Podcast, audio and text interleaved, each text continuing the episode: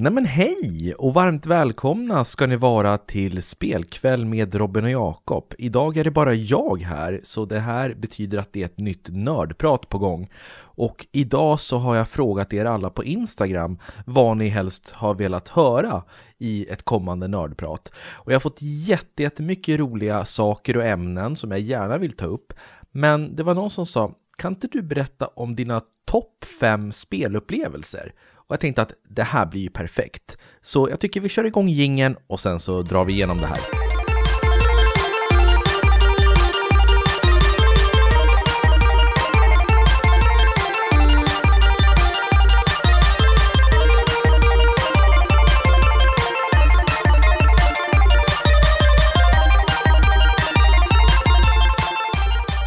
Sådär, varmt välkomna återigen till Spelkväll med Robin och Jakob utan Jakob.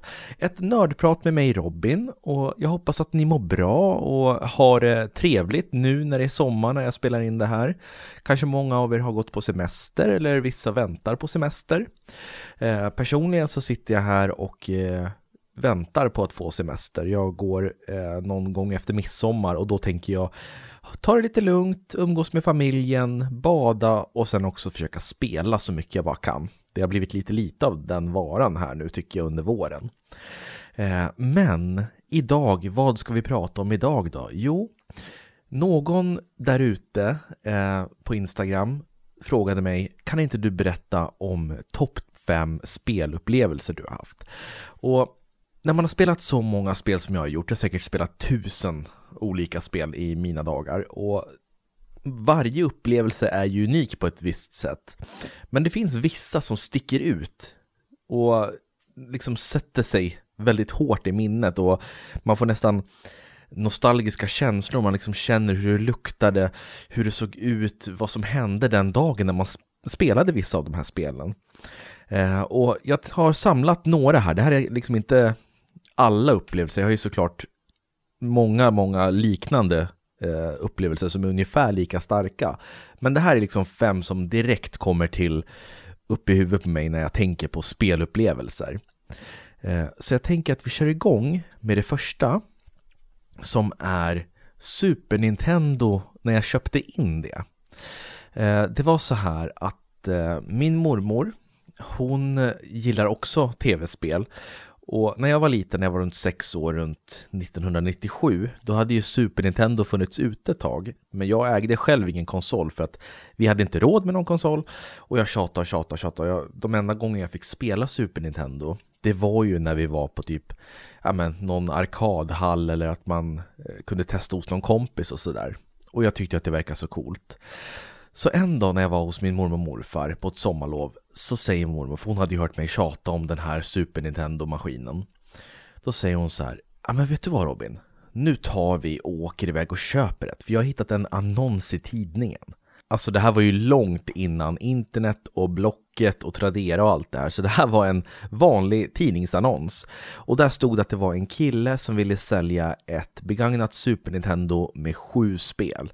Så vi åkte dit hem till honom och jag blev ju jättesugen på de här spelen för jag kände igen dem. Det var ju Donkey Kong Country 1, det var Super Mario World och så var det ett spel som heter Bob Eh, sen så var det Super Star Wars, eh, Super Empire Strikes Back och Super eh, Return of the Jedi. Så det var hela trilogin med Star Wars-spelen som är fruktansvärt svåra för övrigt. Eh, vilka var det mer? Det där var fem stycken. Sen var det Super Mario All Stars.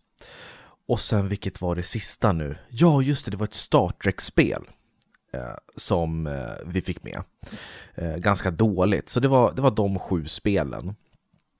Eh, och eh, jag åkte hem, mormor betalade det, jag tror hon betalade 500 kronor på den tiden.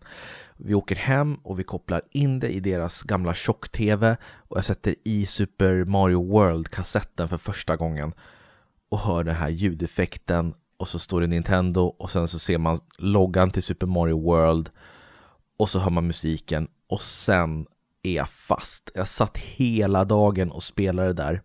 Och jag minns att jag hade sådana problem med att klara av första eh, slottet, den första bossen. Och så lärde man sig att hitta special, eh, ja men dolda vägar så att man kunde ta sig till andra banor. Eh, allt man hittade var ju en sån jäkla överraskning. Det var ju som att det pirrade i magen att det var, det var liksom dolda saker som bara jag hittade. Och sen dess så har det spelet varit mitt favoritspel genom alla tider och jag har ofta gått tillbaka och tänkt så här hmm, är det bara för att liksom det var ett så starkt intryck när jag fick min första konsol?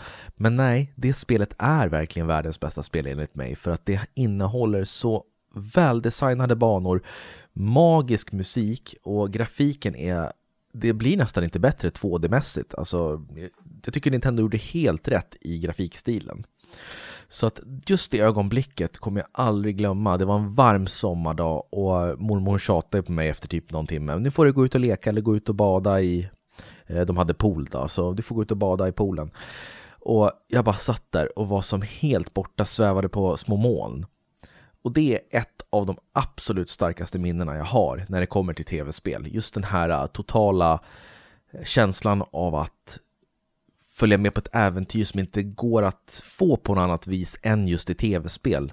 När man tittar på en film eller läser en bok eller lyssnar på musik så hamnar man ju i någon slags läge ibland som är väldigt ja, men, mysigt och underbart. Men det här var någonting annat. Och sen dess så visste jag att det här kommer vara min hobby för all framtid. Så att det är i alla fall ett minne. Ett annat minne som jag har berättat om ganska nyligen, det var ju Resident Evil 4. Det här är ju några år framåt då, det är 2005.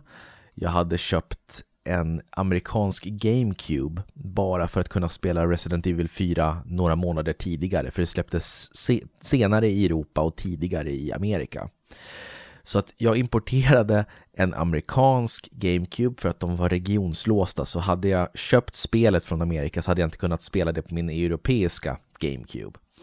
Så att jag betalade massa frakt, fick tag i eh, ja men, en GameCube och så hade jag någon speciell TV som klarade av eh, den ingången eller vad man ska säga för att det är olika frekvenser och grejer. Jag minns inte hur det var, men det var någonting med att jag var tvungen att låna någon TV. Eh, och så sätter jag mig där och ska spela Resident Evil 4 för första gången. Och då eh, minns jag att jag blev helt livrädd för hur de här fienderna rörde sig i spelet de, när man siktade på dem med det här siktet, man spelar ju som Leon S. Kennedy i tredje persons eh, vy. Och så tar man upp pistolen och siktar med ett lasersikte. Och när jag siktade i huvudet på de här fienderna så dök de liksom undan, de undvek lasersiktet. Och det hade jag aldrig varit med om, att de, liksom, de förstod att jag siktade där. Och det, de kändes så eh, dynamiska och levande de här fienderna. Så jag minns att jag satt ganska nära tvn, eh, för det var en ganska liten skärm. Och så blev jag så rädd så jag liksom ryggade tillbaks och satte mig längre och längre bak i rummet för att det kändes som att de skulle gå ut ur tvn. Alltså ni hör ju, nu när man tittar på det här spelet så är inte grafiken alls imponerande, men på den här tiden då var det the shit kan jag säga. Eh, och just den dagen eh, så klarade jag kanske av halva spelet. Jag satt och spelade, eh, streckspelade. Och det var skrämmande, det var actionfyllt och det var bara en underbar upplevelse och jag menar, ett bevis på att spel kan alltid utvecklas och komma med någonting nytt, för det här var helt nytt. Jag hade ju inte spelat något i den här typen av, eh, vad ska man säga, i den här genren förut. Så det här gav mig verkligen någonting eh, nytt att älska istället för bara de här gamla spelen jag spelade när jag var liten som Super Mario World och så vidare. Det här var moget, vuxet och jävligt coolt. Så Resident Evil 4, för de som spelar det nu så kommer det nog säkert inte vara samma sak som när man för första gången spelade när det kom ut. Eh, för det var riktigt grymt. Och på tal om Resident Evil 4 så har ju Eh, Capcom nu i dagarna här faktiskt visat upp att det kommer en remake av Resident Evil 4. Och jag är ju supertaggad på det. Sen kanske jag inte tycker att det här spelet behöver en remake egentligen, för jag tycker att det är ett fantastiskt spel i grunden och absolut, det behövs ju en grafisk uppdatering för att det ser ju väldigt gammalt ut med dagens mått mätt. Och sen så är även gameplayet kanske lite, lite småsekt och repetitivt om man jämför med ja, men, tredjepersonsskjutare idag. Men i grunden tycker jag att det håller väldigt bra. Sen ska det bli kul att se hur Capcom väljer att göra, om de vill göra mer skräckfokuserat än actionfokuserat som fyran var ursprungligen. Så att vi får se när det släpps eh, i mars 2023 och hoppas på att det inte blir några förseningar helt enkelt. Sen har vi det minne som kanske är ett av de längsta minnena jag har när det kommer till att spela i tid. För så länge har jag nog aldrig suttit i en och samma sittning i hela mitt liv och det kommer jag säkert aldrig göra igen. Men det var på releasen av Nintendo Wii. Och den släpptes 8 december 2006 i Sverige. Och jag var och förhandsbokade den typ två år innan, nej kanske inte två, men ett år innan i alla fall, när den fortfarande hette Nintendo Revolution. Den gick under arbetsnamnet Revolution. Så jag hade förhandsbokat det på en spelkedja som hette Game, som idag eh, inte finns längre. Och jag hade förhandsbokat fyra extra handkontroller utöver den man fick med. Och sen så hade jag bokat Zelda Twilight Princess som var ett release-spel. Red Steel, ett eh, actionspel från Ubisoft, ganska mediokert. Och eh, vad var det mer? Eh, Excite eh, Truck hette det. Eh, men det köpte jag inte i slutändan för jag fick, jag, jag fick slut på pengar. Men jag kommer hem eh, från skolan, jag slutade 13.35 och det var en fredag minns jag. Eh, så min mormor hämtar mig från skolan, eh, vi åker direkt till Game, plockar upp mitt Nintendo Wii och sen så köper vi ehm, hamburgare från Burger King och åker hem och jag kopplar in det här och vi börjar spela Wii Sports tennis. Och kom ihåg, det här var helt nytt med rörelsehandkontroller. Och jag hade sett trailers på hur det skulle se ut, att man kunde stå och slå och vifta med handen eh, så skulle karaktärerna på skärmen göra samma rörelse och slå tillbaks bollen då i tennisspelet. Så jag och mormor vi står där och liksom har en hamburgare i ena näven och så har vi Wiimoten i andra och står och slår och vi bara tycker det är så fruktansvärt kul. Eh, och jag spelade där kanske två, tre timmar och sen så åker mormor hem och mamma och pappa kommer hem från jobbet och sådär. Och jag sitter fortfarande och spelar bara Wii, Wii Sports. Jag har inte ens börjat på Zelda eller det här Red Steel. Och sen så efter, ja, kom pappa och mamma upp och vill testa för de har hört mig tjata och tjata om den här Nintendo Wii. Eh, så de testar också, åh vad kul, vad roligt det var. Vi testar boxning, vi testar eh, bowling och så ja, men golf och allt det här. Så vi spelade det säkert 4-5 timmar totalt. Direkt efter det så hoppar jag på eh, Zelda Twilight Princess. Och det spelar jag kanske 6 timmar. Och sen testade jag Red Steel två timmar, sen hoppade jag tillbaks till första. Så jag tror att jag spelade 18 timmar i sträck. Jag satt hela natten. Jag gick och la mig där kan jag gått och lagt mig? Med fyra, fem på morgonen.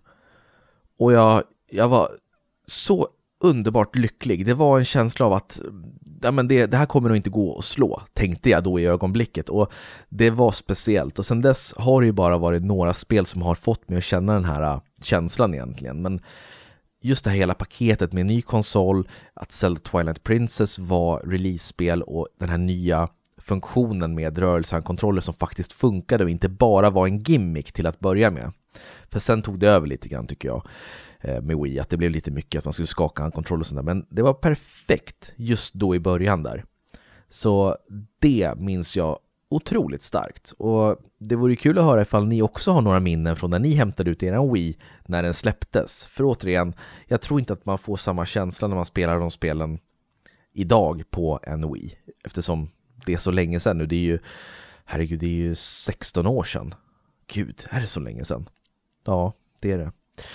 Ja, men det är i alla fall också ett minne som jag verkligen hoppas att jag sent glömmer. Sen då?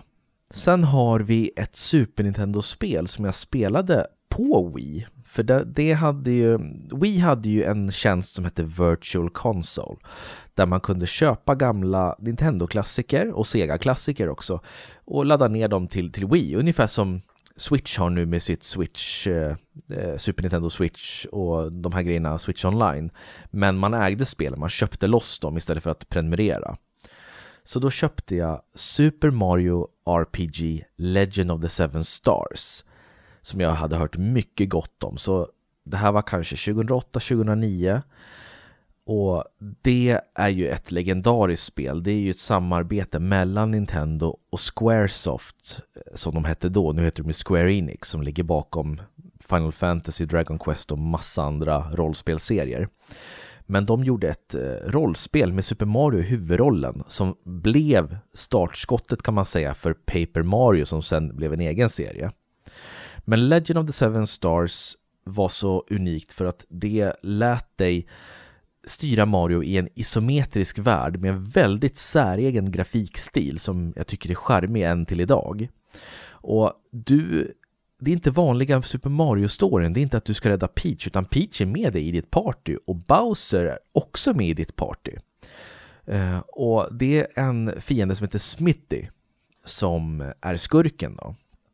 Eh, så man måste samla på sig sju, sju stycken stjärnor eh, och åka till olika världar, eh, träffa väldigt unika karaktärer. Och så är det ett spel ett gameplay som är ja, men någonting utöver det vanliga. För det är inte ett vanligt japanskt rollspel i den, i den bemärkelsen att du står stilla och väljer allt i menyer och klickar på attack och sen väljer en figur. Absolut, du gör så också. Men du kan påverka hur mycket du skadar och hur mycket skada du själv tar genom att tajma knapptryckningar. Eh, som gör att det blir mycket mer interaktivt och roligt. Eh, så att du kan påverka vad som händer mer än att bara klicka attack och defend. Eh, och för de som gillar rollspel eh, så tycker jag att det här är en, ett av de bästa rollspel som någonsin har gjorts. Och man ska inte liksom se förbi det här, ifall man inte gillar Super Mario så kommer man ändå gilla gameplay tror jag. För att det är inte ett vanligt Mario-spel, du hoppar inte på huvudena, du dras in i strider när du kommer tillräckligt nära en fiende ute på kartan eller vad man ska säga. Eh, och det här var ett starkt minne för att jag spelade det här på Wii under ett påsklov och jag tänkte så att men jag testar någon timme kanske. Och så blev det också att man blev sittande så här, ah, men oj, nu har det gått fem timmar, gud, jag har inte ätit någon middag. Så att man blev helt insugen i det här Eh, spelet och i dess värld. Och jag tyckte att det var roliga dialoger mellan Bowser och alla karaktärer och det fanns ja, men, sånt som jag inte har sett i andra rollspel heller fram till den punkten. Utan det var ja, men, udda typer av karaktärer och världar och, och saker som hände. Så att om ni får chansen, spela Super Mario RPG Legend of the Seven Stars för det är ett fantastiskt spel. Jag tycker det är 10 av 10 spel.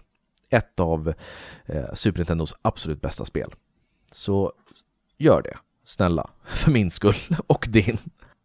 Och sist men inte minst har vi ögonblicket då jag spelade Ace Attorney för första gången. Och det här har jag berättat om i nördpratet om Ace Attorney. Men jag ska dra lite mer bakgrundsinformation kring allt det här.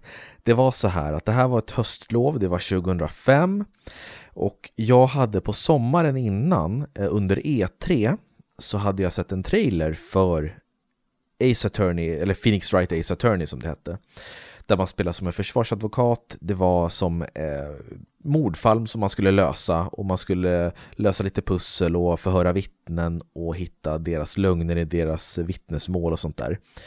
Och den här trailern, den var väldigt episk, det var så här snygga filmsekvenser, det var jättepampig och cool musik och jag blev direkt fast och tänkte att det här ska jag ha. Och det var till Nintendo DS. Så att jag förhandsbokade det här spelet och eh, det kom ut i Amerika eh, någon gång, jag tror det var 22 oktober 2005, kan det vara så? Eller var det 16 oktober? Jag kommer inte ihåg. Det var någon gång i oktober i alla fall. Och eh, det som hände det var att eh, jag var ute hos min mormor och morfar för det var höstlov och varje skollov brukade jag åka ut till dem och bo där och leka med Jakob. Så det var höstlov och så brukade Jakob och jag alltid tillsammans med min mormor och morfar åka till Västerås för det var ganska nära och där brukade vi genomgå någon slags ritual eller ritual, tradition rättare sagt där vi ja, men, åkte och käkade på en restaurang, gick in på game, köpte något spel och sen åkte vi hem och spelade spelet åt, åt godis och grejer. Eh, så den här dagen så åker vi till Västerås och jag har totalt glömt bort att Ace Attorney ska komma hem till mig eh, där jag bor i Uppsala. Eh, så jag och Jakob är på game och så köper jag Castlevania Dawn of Sorrow till DS och tänkte att ja, men vad kul, har jag ett nytt spel att testa.